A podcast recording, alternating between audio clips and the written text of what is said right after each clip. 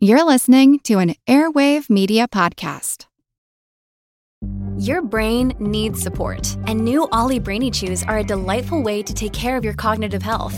Made with scientifically backed ingredients like Thai ginger, L-theanine, and caffeine, Brainy Chews support healthy brain function and help you find your focus, stay chill, or get energized. Be kind to your mind and get these nootropic chews at olly.com. That's O L L Y.com. These statements have not been evaluated by the Food and Drug Administration. This product is not intended to diagnose, treat, cure, or prevent any disease. When you need mealtime inspiration, it's worth shopping Kroger, where you'll find over 30,000 mouthwatering choices that excite your inner foodie. And no matter what tasty choice you make, you'll enjoy our everyday low prices, plus extra ways to save, like digital coupons worth over $600 each week. You can also save up to $1 off per gallon at the pump with fuel points. More savings and more inspiring flavors make shopping Kroger worth it every time. Kroger, fresh for everyone. Fuel restrictions apply. This is Kick Ass News. I'm Ben Mathis.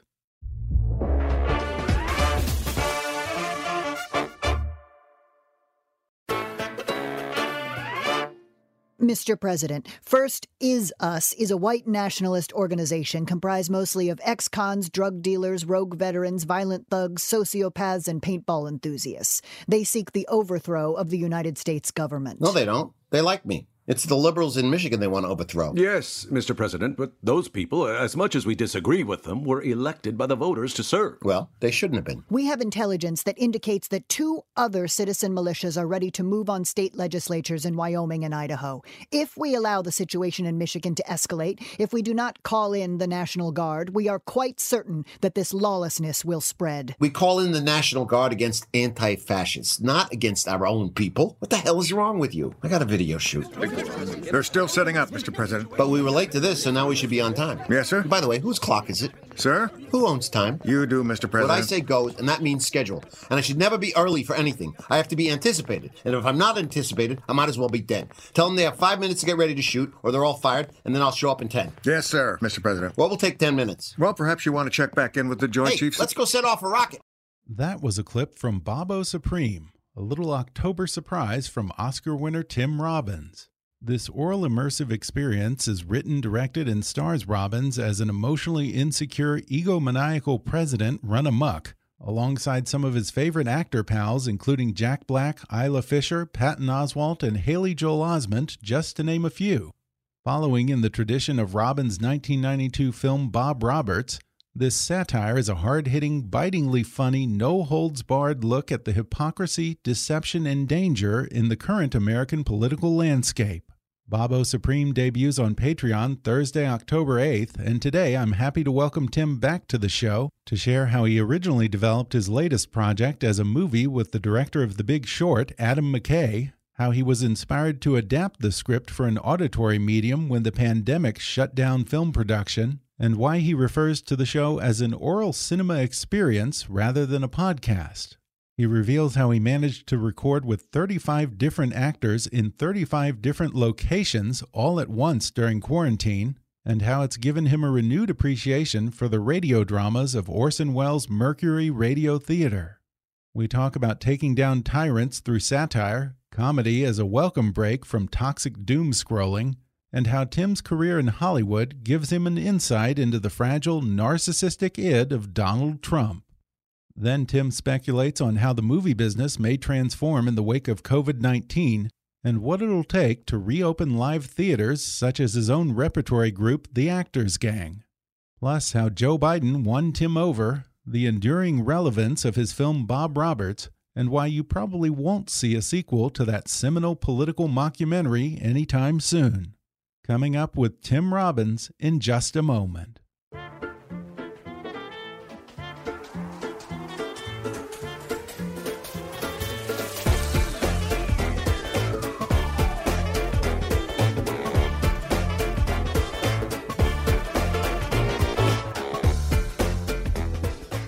Tim Robbins is an Academy Award winning actor, screenwriter, director, producer, and musician known for such films as The Shawshank Redemption, Bull Durham, Bob Roberts, Mystic River, Dead Man Walking, and many others.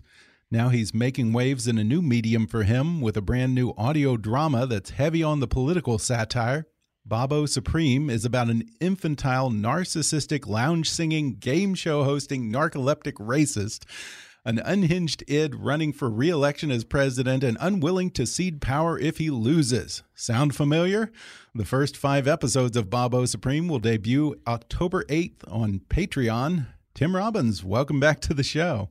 Thanks, Ben. Thanks for having me. Well, Tim, I have heard you use this term that I've never heard before to describe Bobo Supreme. You bill it as an aural cinema experience. What's the difference between that and a podcast or an audiobook or something?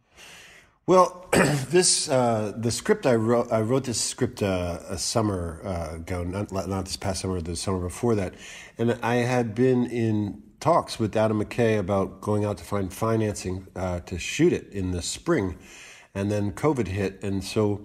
I immediately started thinking about uh, how to tell the same story in just an audio way. And what I realized was that, you know, unlike a lot of well, what you might call radio dramas um, uh, that are in one room and, and pretty static, I, I, wanted this to have a sense of motion. And, mm-hmm. um, and um, because the screenplay, uh, Bobo, when they're following Bobo Supreme, he's, he's, he is constantly on the move. He's moving from one location to another uh, constantly. Can't he's ADD, just like needs distraction constantly. So what I imagined when I was writing it was that it, that the White House had been transformed in, into a different set of different kinds of TV studios and radio shows. And uh, he's got a Rose Garden morning show, and he's got a game show called Losers Suck, and he's got uh, a, a, recording studio where he goes in and records uh, songs. And so I, I, I, wanted to give the listener uh, a sense of motion and a sense of, of place, uh, of location, so that when they're listening, their imaginations can fill in the visuals. Um, hopefully, uh, this will be true. I I, uh, I, I, I know that you know because of the restrictions that are placed on us, and uh, in in this COVID time, that artists have to find new ways of expressing and finding ways to tell stories to uh, communities, uh, which is the, the thing I miss the most about uh, this time is that you know we have a theater in Los Angeles and we have this beautiful um, audience uh, base that comes in and we're able to share stories with them and create a, a, temporary community with them. And that's lost right now. So how do we how do we make that same community with people through their ears? How do we how do we how do we put out material that's relevant enough so that when the listener is listening they can imagine the laughter of others and also most importantly know that they're not alone in their laughter and, and know, know, that they're not alone in their in their indignation about what's going on. Um, Bobo Supreme is uh, is not a, a, Trump imitation. It's it's a it's a it's a um, an imagination of what the unbridled psyche is mm-hmm. of, of, of, of this current president. Uh, he is, uh, uh, you know, an entertainer. He's a, uh, uh, a singer. He's also a um, game show host. He's also the leader of the free world. And how do all those marry? You mentioned that he's a singer, and of course, you know, it's not a big leap from Bob to Bobo. And I've heard some people describing Bobo Supreme as a sequel to Bob Roberts. Now, having listened to the first couple episodes, I feel like it's sort of maybe a spiritual cousin to Bob Roberts, but it's not necessarily a sequel per se, right? It's definitely not a sequel. Yeah. Um, Bob Roberts is, you know, the most elegant statesman compared to Bobo Supreme. That's true. Um, yeah. uh, no, Bobo had to be something else. Uh, yeah. As I was writing it, you know, uh, I I was imagining this character called Ubu the King, which is this oh, yeah. Uh, um, uh, play that was written in 1900 or something, mm-hmm. and the first performance of it, uh, the uh, the audience ripped up the seats of the theater and rioted. Uh, they were so appalled by this character that Alfred Jarry had had created, and in, in a way, it was kind of this um, turning point for for theater and for storytelling because it imagined the worst possible id of uh, a, a, person that ascends to the throne of Poland. And uh, in, in doing so, he kind of laid the groundwork for Dadaism and Expressionism and Surrealism. Uh, he was the first, and, and it was also the first play the Actors Gang did. It was how we came to prominence in Los Really? Angeles. We did a midnight show of Ubu Roi uh, that ran for six months uh, in 1982. And, and so I was, as I was writing, I was imagining Ubu's voice. And for a while in the screenplay, he was called Ubu, but I changed it to Bobo because that sounds more fun than Ubu. Just out of curiosity, have you ever thought about doing a straight up sequel to Bob Roberts over the years? I'm sure people I- ask. People have asked, and Yeah. um, I've thought about it, but you know, I'm not a big fan of sequels. Mm-hmm. Um, but I, I, I, I think spiritual cousin is is a good good description of of Bobo Supreme. Yeah. And now I'm sure that Bob Roberts has come up pretty often over the years just because, A, it's such a great movie and really one of the early narrative films that uses that pseudo documentary style. But the fact is, most political films really don't age very well. And yet, here you have this film that is insanely relevant right now. Did you ever imagine coming up on almost 30 years after it came out that Bob Roberts would still be so culturally and politically relevant and indeed sort of prophetic of these times?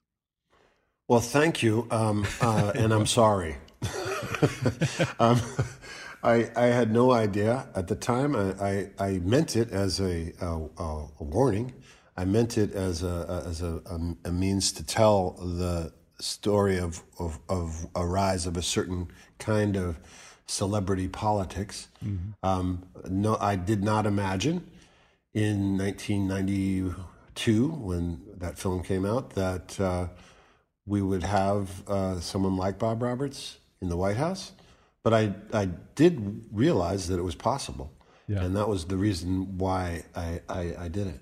you know, satire is just the ideal way to take down this president because Uh, when you just launch into a direct attack of Trump on his record, behavior, criminality, whatever, you know, he can pretty effectively marshal his followers and rebut that on Twitter. But when he's confronted with satire, I honestly think that he doesn't know how to respond to that. Aside from the fact that it's probably just completely over his head, I think that satire is just extremely difficult to counter. I mean, inevitably, you look like a fool if you take it seriously and bother to respond, right?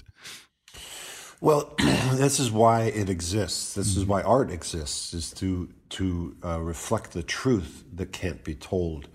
It's it's why uh, great uh, theater exists, great movies, great works of visual art. They try to illuminate a truth that is not being told. And the, the good thing about satire is it, it takes us to this common ground where we can identify uh, what is relevant in it and laugh about it. This is what we need right now. Everyone is lost in this cycle of news. Every day it's depressing. Every day it's offensive. Every day there's a new outrage. And in a way, the, I, I, I'd love to encourage people just to take an, an hour and a half outside of these nightly depressing uh, news shows and laugh a little bit. And because laughter, within laughter, with any emotion, is empowerment. When you can share an emotion with someone, if you can listen to this with somebody and laugh together, or if you, even if you're alone, just to laugh is so essential. It's, it will give you power. Yeah. It is why it is feared. It is why when an authoritarian regime takes over, the first people they go after are the artists and the intellectuals because they know that those people have the power to bring them down. And it's, Yeah. it's, it's through laughter. I think Nick Kristof wrote something in the New York Times last Sunday about this that humor has, is a weapon. Humor can be a powerful weapon because it can possess in it truth. And I'm talking about true satire. I'm talking about satire that dares to be dangerous mm-hmm. and rude and honest. It's not about an imitation of Trump. It's not about a parody of Trump. It is Bobo Supreme. And Bobo Supreme is the manifestation of all of those dreams that you're having, all of those nightmares you're having. And in fact, it's set in a dreamscape. We don't, we're not sure whether we're dreaming or we're actually hearing uh, uh, the reality. That's, that's an, uh, a, a, a significant and uh, important uh, distinction between uh, parody and satire. Uh, yeah, and I have to say that I love that title, Bobo Supreme, because it just speaks to this president's reliance on this over the top hyperbole and this sense of self that is so wildly divorced from reality. I have to say, Tim, you really have a disturbing level of insight into the Trump id. Where does that come from? Where do you get I that? think it comes from me, yeah. honestly. You know, I think here's the thing. I think we all have it in us. Mm -hmm. We all have that that id where some of us are better at controlling it. Mm-hmm. Some of us know that empathy and compassion are the best battle, uh, the best fighters against the id. Some of us allow empathy and compassion to dominate our lives. But we all have this in us. It's identifiable in all of us. That, that, that primal id, that unchecked id, is, is within all of us. Mm-hmm. And um, so it's, it, it, it, I'm not saying this is you know, about left versus right or against this or against that. It's kind of an acknowledgement of the time we're in and and the environment we're in and I, I can easily see uh, identifying my own tendencies towards these outrageous uh, thoughts and really? behavior. You know, be, of course, we're all think about it. We're all we're all in a battle right now. We're all in this like kind of like fight for the future of America. Mm-hmm. And and it, is it the time to be uh, polite and reserved and diplomatic, or is it time to take off the gloves and mm-hmm. fight? Mm-hmm. And and and so yes, I mean after Bob Roberts came out, when a f- close friend of mine said, "You know, this is you," and I'm I'm like, oh, "What do you mean?" He says, "Your dad was a folk singer. You you know you, you right. this and this and this," and he was right. You know, there, we all have this in us. You know, it's why it's scary. It's why it's frightening to us, is because it's it's something that is easily achievable if you check your empathy and your compassion at the door. Mm-hmm. And so we have to be careful when we're proceeding with this, right? If we are able to change things, we have to be able to have love in our hearts. Yeah. We have to be able to be driven by love. That's the that's that's where we can differentiate our id from yeah. theirs. I wonder, as an actor, there must have been times in your career where you just thought that your shit didn't stink and you were on this kind of ego high. So, in that sense, can you kind of relate to that euphoria? This, well, this is the thing that was the biggest challenge about mm -hmm. becoming famous and about having this new platform was to check myself, you know, constantly. Um, you, you, you get to a certain uh, level of celebrity or power, and you're surrounded by people that are yes men and people that are there to buoy you up and to tell you you're great. And, and so you wind up doing shitty movies, and, and no one tells you they're shitty. And then you keep doing shitty movies, and before you know it, you're lost, right? And it's the same thing in the trajectory of politicians. You get to a certain amount of power, and mm-hmm. people tell you you're great, and they, there's no one around there to be honest with you. And with this particular administration, those that dared to be honest were fired, just summarily yeah. executed out of the freaking scene. And, and that's no accident. That's because there's a fragility here. There's a fragility in this man. He, there is a, a wounded child who doesn't want to be wrong. He has never been wrong. He's never had to take responsibility for anything. And so you, you, you, you can approach writing that as, well, it's an adult man that's making conscious decisions, or you can realize it is this uncontrolled child and, and a child that, that is lacking certain things. And, and yes, that is in show business as well, that, that, that, that unchecked ego it is there. That is the seduction. That is the that is the danger. That is the pit that people fall in, and on both sides. Yeah. You can. I've met people that I I knew when they were younger, who were incredibly progressive, leftist, and have now you know modified themselves now, are they modifying themselves out of some kind of new discovery, uh, or self discovery, or are they modifying themselves for convenience, to continue their run, to, to stay in that echelon? Mm-hmm. Uh, that's a question everyone has to answer for themselves. Um, uh, it's a difficult question, and it, it involves self uh, evaluation. Uh, and it, it, it, also involves humility. You have to be able to hum, uh, humble enough to be able to say, you know what, I might not know. I might actually be wrong. This is something I think was severely lacking after the last election. Yeah. But I do think that I we have to give some credit to those Republicans who it can't have been an easy decision who broke with Trump, and there are quite a number of them. They're just not in Yeah. power anymore. But that takes a lot of character, I have to say. Uh, uh, uh, yes, uh, and good for them for doing that. But what Trump has revealed is that he he's just not as good as at hiding the agenda. But in fact, a lot of his agenda mm, people are fine with. Yeah. It's just his demeanor that is offensive. Yeah. Interesting. And and so so I'm glad that there are people that are breaking with him, but for me, that doesn't make them heroes. Uh, I know what their policies are. I know that they've voted in the past for um, restrictions to health care. Some of them want to get rid of Obamacare. Uh, most of them oppose health care for all. Um, some of them are involved in decisions that led to children being locked up in cages at the border. So, uh, you know, it does to, to break with Trump is one thing, to break with the policy is another. And that's where I hope we're headed as a country, that we can get into a more humane and, and compassionate uh, existence where we can actually uh, listen to the concerns of, of the poor and the working class. Um, those people don't seem to be served by either constituency. And, and th- those people are the people I come from. That is how I grew up. Um, and I'm never going to forget that. That is who I am. Uh, I have been so lucky, you know, I've been so blessed to have had the success that I've had, but I am, I've always stood and marched on the side of the people that don't have a voice and that, that, uh, that uh, are underrepresented in, in, in the country. We're going to take a quick break and then we'll return with more when we come back in just a moment.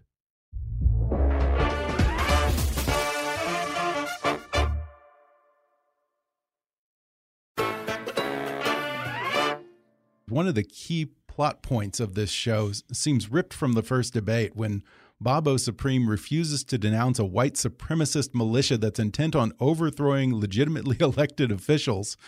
And he even throws out these thinly veiled racist dog whistles to egg them on. I have to ask, what did you make of Trump's refusal to denounce the Proud Boys in the debate and his use of that phrase, stand back, stand by? Was that just him being inarticulate as usual and fumbling for words, or did you take that as a coded message to that group? No, that was a, uh, definitely a coded message, and that was intentional. That wasn't a mistake. Yeah. But this was you could read this all the way back to Charlottesville. Right. I wrote the I wrote that thing you're just talking about about the militia taking over the state legislature. I wrote that uh, a summer ago, not not Oh, this really? past summer, this the year Okay. before. That was in the script Wow. because that was that was the logical extension of what he was what what he the dog whistles he was putting out at the time. It, it it is you know you don't do that unless it's some kind of weird uh, strategy and and and for me it was oh I see so he's going to he's going to solidify this small base of supporters uh, that have never been talked to on, on that scale uh, uh, by a president, that have always been ignored. They've been courted, they, their votes have been wanted, and there's been certain dog whistles thrown out. Reagan did it, Nixon did it. But did they ever really have the president acknowledging their existence? No, because that was too politically risky. Now, here he's doing it at Charlottesville when he said, you know, there are good people on both sides. And that's a clear message to those folks. Not only that, but in policy, he got rid of one of the uh, or, uh, one of the uh, groups that was monitoring those groups. Right. That's true. The government government monitoring of those groups stopped under his administration. Yeah. That's not an accident. That's because he understands something far darker than many of us want to imagine. Mm-hmm. Which is, I, I think, going if if he loses the election, we will see it play out, and that's tragic. And that's that is a, a death of, of something in this country if it happens. Um, and you know it, will he give up his office or will he he's already telling his supporters to, to be poll monitors. That's illegal. He can't do that. And if they show up with guns to the polls mm-hmm. this is where it's headed and it's in Bobo Supreme in the uh, in, in the later episodes that exact thing happens. He calls out his supporters to bring guns to the polls. Well, yeah, your fictional president is freaking out when he looks at the polls because he's certain that he's going to go to jail if he doesn't get reelected. uh, it's not hard to imagine that's what's going through his mind right now. But there's another point in that episode one of Bobo's aides says that the country would never convict a former president because it would basically destroy the presidency and the country. And that's kind of the same argument that we heard when Ford pardoned Nixon that it would erode our faith in democracy and the office of the president would never be able to recover from it. And yet it seems so fundamentally antithetical to our founding principles. Do you buy into this idea that holding the most powerful man in the country accountable for his actions, just as anyone else would be, is somehow too much for the American people to handle? Well, I'll ask a question of you. Do you think, are you aware that of the amounts of crimes that are committed by people that are incredibly wealthy and never, never, never go to jail? We have two systems. Of, I'm not aware. we, we, are, we have two systems of justice in this country. yeah. There's two systems of justice in this country. Yeah. I work in the California prison system with the Actors Gang Prison right. Project. Yeah. And believe me, there are there are no wealthy people in the groups that we work with. Mm-hmm. There, it's, there are crimes that are not. There are people I have worked with that were up until a couple of years ago because of some legislation that was passed were spending the rest of their lives in jail for a nonviolent crime mm. because of the three strikes law. Yeah. Now, you have people that pollute rivers, people die of cancer, and there is no ramifications for it. There, the corporate crimes are, you know, maybe a fine once in a while. But the fine, if you look at their profit margins, is minuscule. Look what happened when in 2008, uh, it was a massive robbery of, of 401ks. People were busted from that. People, I mean, busted, they lost their money. There was no one busted for the crime. In fact, it just kept going and going and going. So, you know, the, the person, the, the, the average Joe, the working class person, the poor person, even the Trump supporters know this to be true. They know that there is, uh, you know, that there are, that their 401ks went away. Their, their, their, their bank accounts went away. That's robbery. Why wasn't the crime prosecuted? That's a, that's something that we have to answer, right? Until we answer that, until there is justice for that, then there is just hypocrisy. And so people lose their respect for the institutions because the institutions will not police themselves. That's where we, that's where we are today. That's why there was such a fertile ground for Trump because there had been years of this between NAFTA, sending good paying American jobs overseas, to the crisis in 2008, the average person knows wait a second, what's going on here? And why am I paying these taxes when these guys don't pay any taxes at all?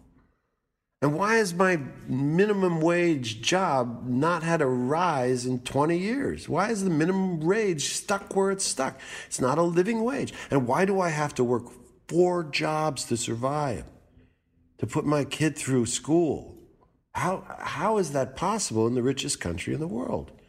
And, and these are, these, I'm sorry, But that is, until we answer those questions, until we do some self evaluation about that, until we that are opposing this administration can look at ourselves and say, how can we be better? How can we better serve the majority of the people in the, in the United States? Then we're going to keep spiraling into this mm-hmm. pit of, of, of, of, of confrontation and, and altercation. Yeah, and I want to ask you because I know that you supported Bernie last election. I'm not sure where you were this election, but previously you supported the Green Party. And in Bobo Supreme, you have this Democratic nominee known as Milk Toast. and Bobo actually gets his ass handed to him not by the anointed opponent, at least as far as I've heard so far, but by a third party candidate. Uh, can we read into this character, Milk Toast, and what happens in here?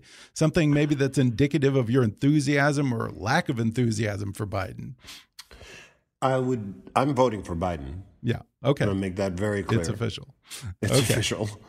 um, as one of my characters in the in Bobo Supreme says, I would vote for a, a bag of discarded toxic fat from a lip, liposuction uh, operation before I'd vote for this. That is voting for Trump. What are you talking about?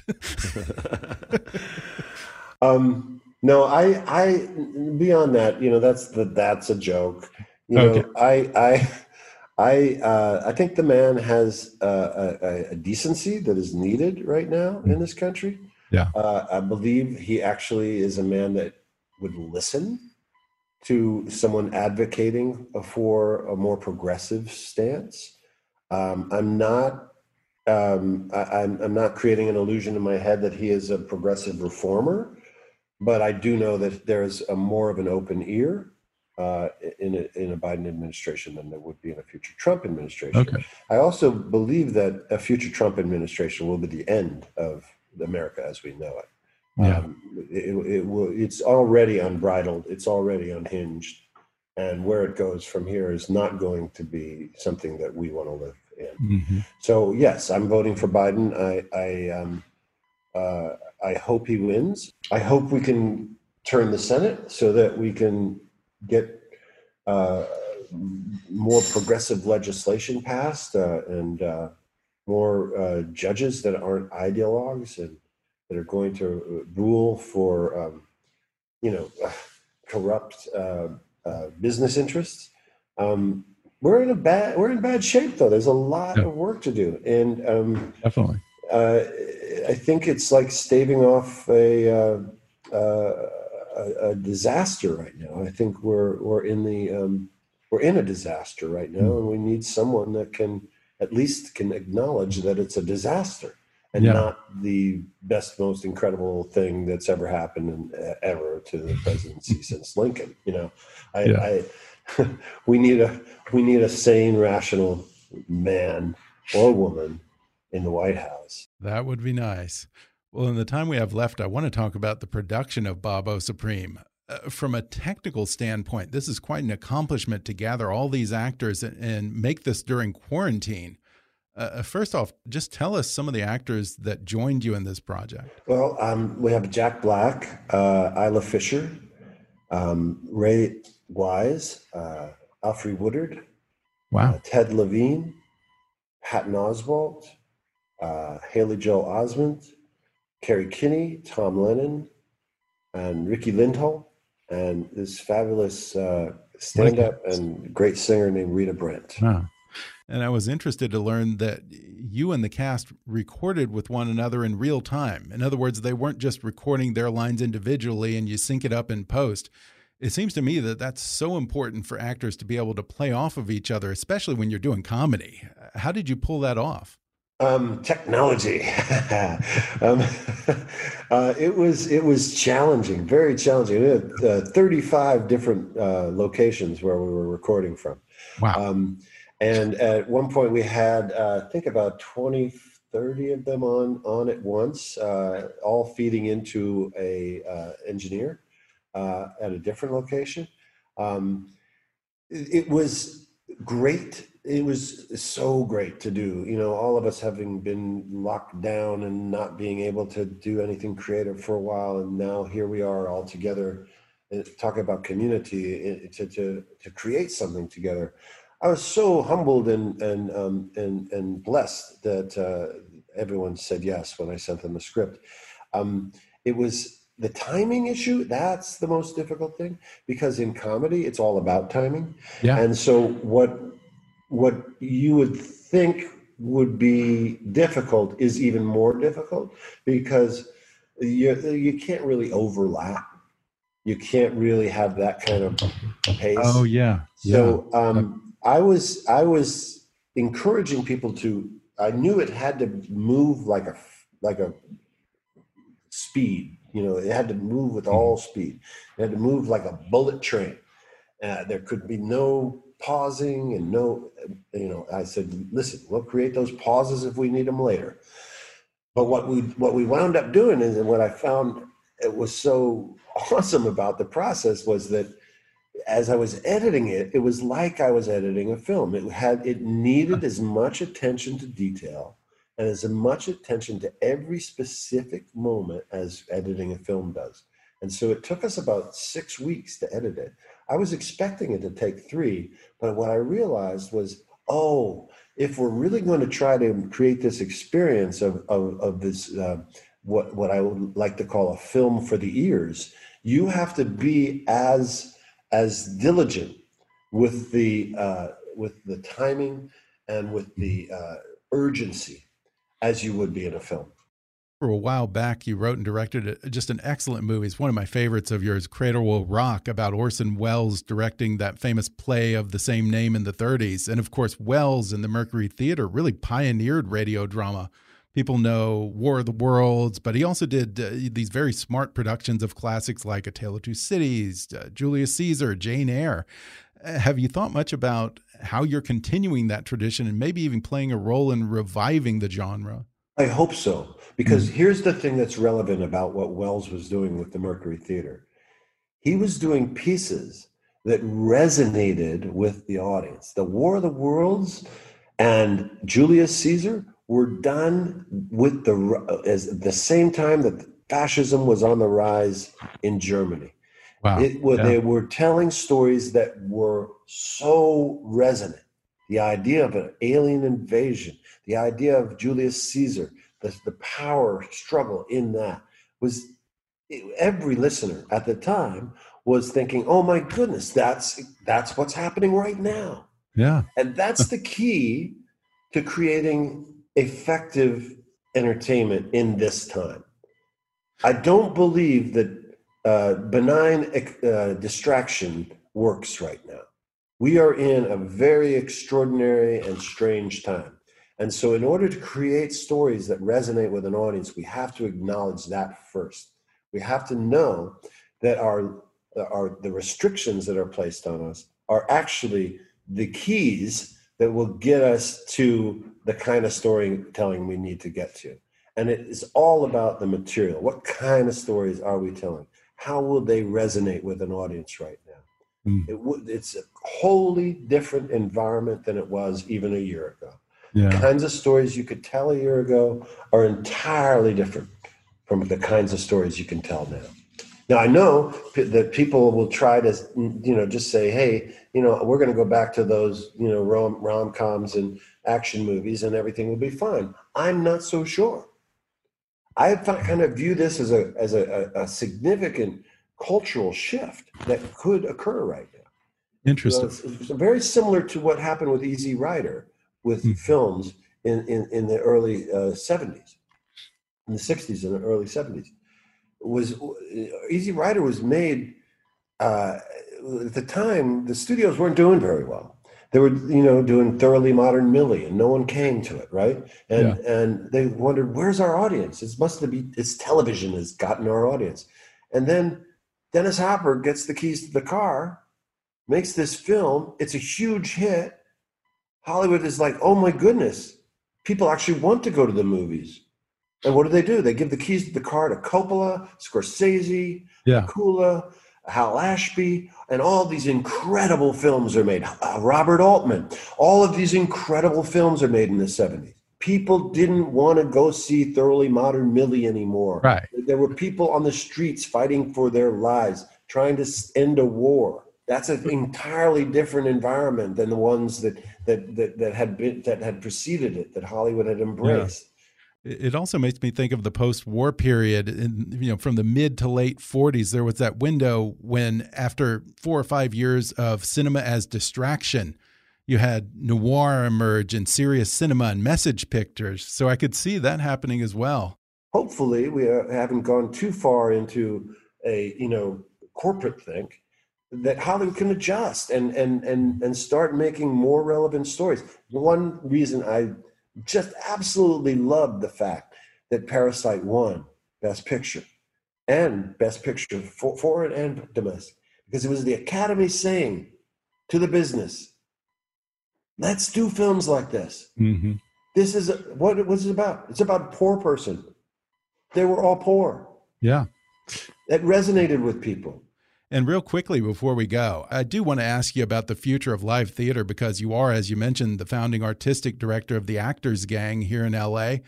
Have you given very much thought to how theater is going to emerge from all of this and what you'll have to do to get audiences to feel comfortable going to a live performance again? I've been thinking a lot about it. Um, I know that it has to be dangerous. I know that it has to cross over a line uh, that we haven't crossed over yet uh, as far as physical contact. I know that it has to be brave and it has to tell a story that will resonate. Mm-hmm. Um, I'm working on it now. Um, oh, really? it, it, probably going to go into workshop uh, as soon as I can get actors into a room mm-hmm. uh, to develop the piece. I know that what we had planned on doing uh, in the past, you know, the things we had been talking about doing this coming year, I know that that, that, that we will not be doing those.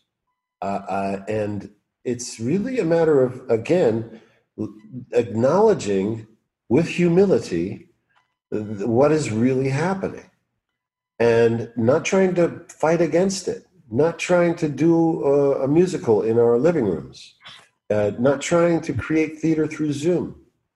Um, it's it, because it, it inherently is a visual medium, Zoom and so it becomes a film. And so if we're going to do that we can we can look at it uh, by doing it as a film. Mm. uh, it's not as simple as turning the cameras on though. Film no. is intricate. Film requires writing rewriting editing uh, filming editing editing editing. And it, it's not fast yeah. Uh, and so you either do one or the other. I don't believe in the marriage of it. I, I, I, I, think Zoom can be wonderful for uh, forums, for discussions, for um, uh, checking in with each other. Uh, and it's been, quite frankly, the way most people have been doing business. Mm-hmm. But right. as far as art goes, art has to adjust, art has to adapt and it has to be relevant. I think a lot about the uh, mystery plays uh, that were done right after the play. These kind of quasi-religious but sort of yeah. obscene plays that they would do, kind of like Commedia dell'arte, traveling from town to town. Yeah, I think a lot about that. I think about you know what was what what was it like to go into a town that had been devastated by the plague and perform something. What was that? What was the material? Yeah. God, it's crazy to think. But, you know, I guess we do adapt. So that's a, a good sign for the future, hopefully. Oh, we'll figure it out. We'll figure yeah, it out. You bet. Once more, the immersive aural entertainment experience, Bobo Supreme, debuts October 8th on Patreon. You can also find the link on bobosupreme.com. Oh, okay. And um, yeah, and I'll have links on my social media, Tim Robbins one, and at, on Twitter, and Tim Robbins uh, here on Instagram. And I have a Facebook thing that I rarely use, but uh, apparently someone's going to be posting on it. well, terrific. I, I really enjoyed it, and God knows we need a laugh right now. So, Tim Robbins, thanks so much for talking with me. My pleasure. Thanks for having me, Ben. Thanks again to Tim Robbins for returning to the show. Once more, episode one of Bobo Supreme debuts today, October 8th, on Patreon. Visit bobosupreme.com or patreon.com slash Tim Robbins Presents to listen. and follow Tim on Twitter at, at TimRobbins1.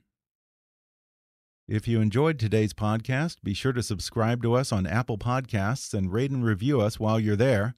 Five star ratings and detailed reviews are one of the best ways for new listeners to discover the show. You can also follow us on Facebook or on Twitter at, at KickassNewsPod and recommend us to your friends on your social media. For more fun stuff, visit kickassnews.com, and I welcome your comments, questions, and suggestions at comments at kickassnews.com. For now, I'm Ben Mathis, and thanks for listening to Kickass News.